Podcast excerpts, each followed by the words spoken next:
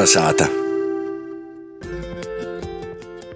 Kā atceraties pagošā raidījumā mēs ar viesturnieku Ēriku Začu runājam par pagošo gadsimta sākuma epidēmijām, proti par spāņu gripu. Un tā arī bija, ka dažādu militāro konfliktu rezultātā padomju Krievijā valdīja visai smagi epidemioloģiskie apstākļi. Tis draudēja izraisīt dažādu jaunu slimību, proti, tīfa, dizentērijas un citu uzlīsmojumu ne tikai Latvijā, bet arī daudzos citos Eiropas valstīs.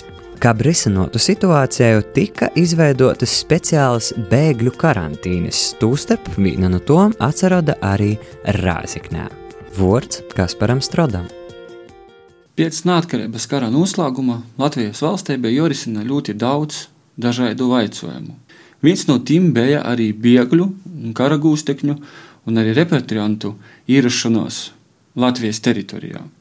20. gadā saistībā ar lielu cilvēku daudzumu, kas iebrauca Latvijas teritorijā, Riezeknī tika izveidota tā saucamā bēgļu karantīna kurā nokļuva daudzi Latvijas iedzīvotāji, kā arī tie cilvēki, kuri no Padomju Savienības caur Latvijas teritoriju izbrauca uz savām piedarības valstīm. Tie cilvēki tika ievītoti karantīnā, bet pirms viņiem tika izsniegti dokumenti, viņiem bija jāaiziet dezinfekcija, jo 20. gada sākumā draudēja Eiropā izraisītīs jaunas epidēmijas vilnis saistībā ar to, ka padomju Krīvijā līdz ar Pirmā pasaules kara un arī iekšējiem namīrim, jeb pilsoņu kara rezultātā dzīves līmenis bija strauji kritīs un draudēja izraisītīs daudzas lipīgas slimības. Dēļ to tie, kas iebrauca un nokļuva Riezeknas karantīnā, viņi tika dezinficēti, viņiem tika pārbaudīti dokumenti, un tad, kamēr tika noskaidrota personības identitāte, iedzīvoja karantīnā. Karantīnas teritorija bija aptuveni 18 hektārus liela. Timā atradās ap 40 dažādiem ākām, starp jom bija barakas, pierts, dzīvokļi, karantīnas darbinieki, kā arī daudzas citas ākas. Tie, kas nokļuva karantīnā, daudzi no viņiem arī strodoja karantīnā ierēkotajās saimniecībās uzturēšanās laiks karantīnā bija e, pilnīgi bez maksas. To sēdza gan Latvijas valsts, bet tā kā Latvijas e, valsts bija tikko iegūsi neatkarību, tad, protams, finansiālā situācija bija ļoti smaga un ļoti lielu artavu ieguldīja tīši Amerikas Savienotās valstis. Gan Amerikas Savienoto Valstu sarkanais krusts, gan arī Amerikas Savienoto Valstu valdība deva lielus līdzekļus. Īpaši tika padomāts par bērniem, tīši par tiem bērniem, kuri padomju Krievijā bija kļuvuši par boreņiem. Jūsu vajadzībām 22. gadā Adamovā izveidoja speciālu bērnu patversmi, kurā tad arī tika izmitinoti. Tas bija liels atspējs arī ne tikai iebraukušiem bērniem, bet principā visiem, kuri nokļuva Riezeknes karantīnā. Riezeknes eh, karantīnā uzturējās ļoti liels cilvēku skaits. Precīzi dati norādos to, ka gandrīz četru pastāvēšanas gadu laikā, no 20. gada marta līdz 24.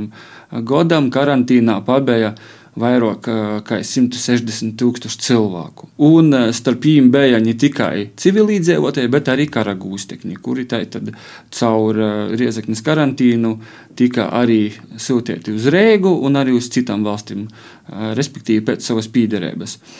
Karantīnā nokļuva arī ļoti daudz kriminālu elementu. Eh, jo, protams, eh, tādi cilvēki arī izmantoja vispārēju apjukumu un hausu, kas eh, tomēr valdīja 20. gadā. Līdz ar to karantīnas teritorijā tika arī fiksēti vairāki likuma pārkāpumi. Laupēšanas, tas bija visbiežākais, kas notika, bet arī tika fiksēti korupcijas gadījumi.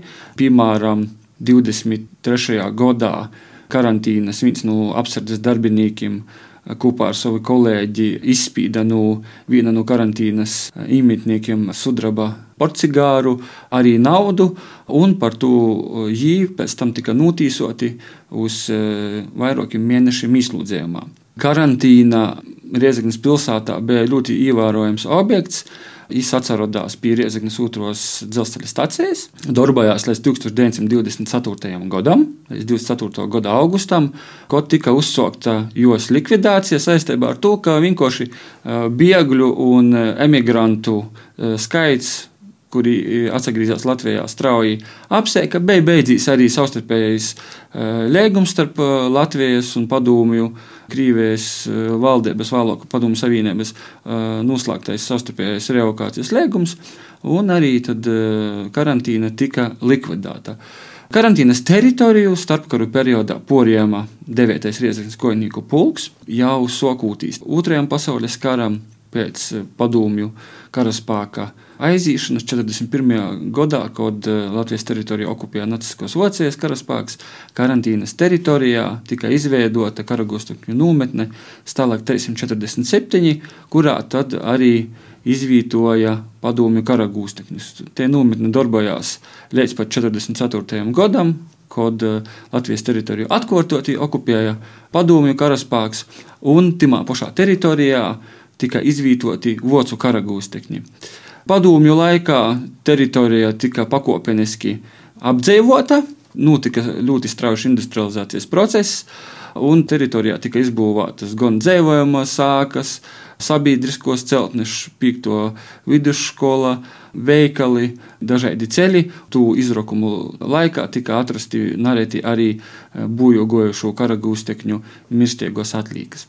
Pēc tad, uh, industrializācijas un Latvijas neatkarības teritorijā joprojām ir dzīvojamais rajons, un mūsdienās tie ir Ziemeļu rajona sastāvdaļa.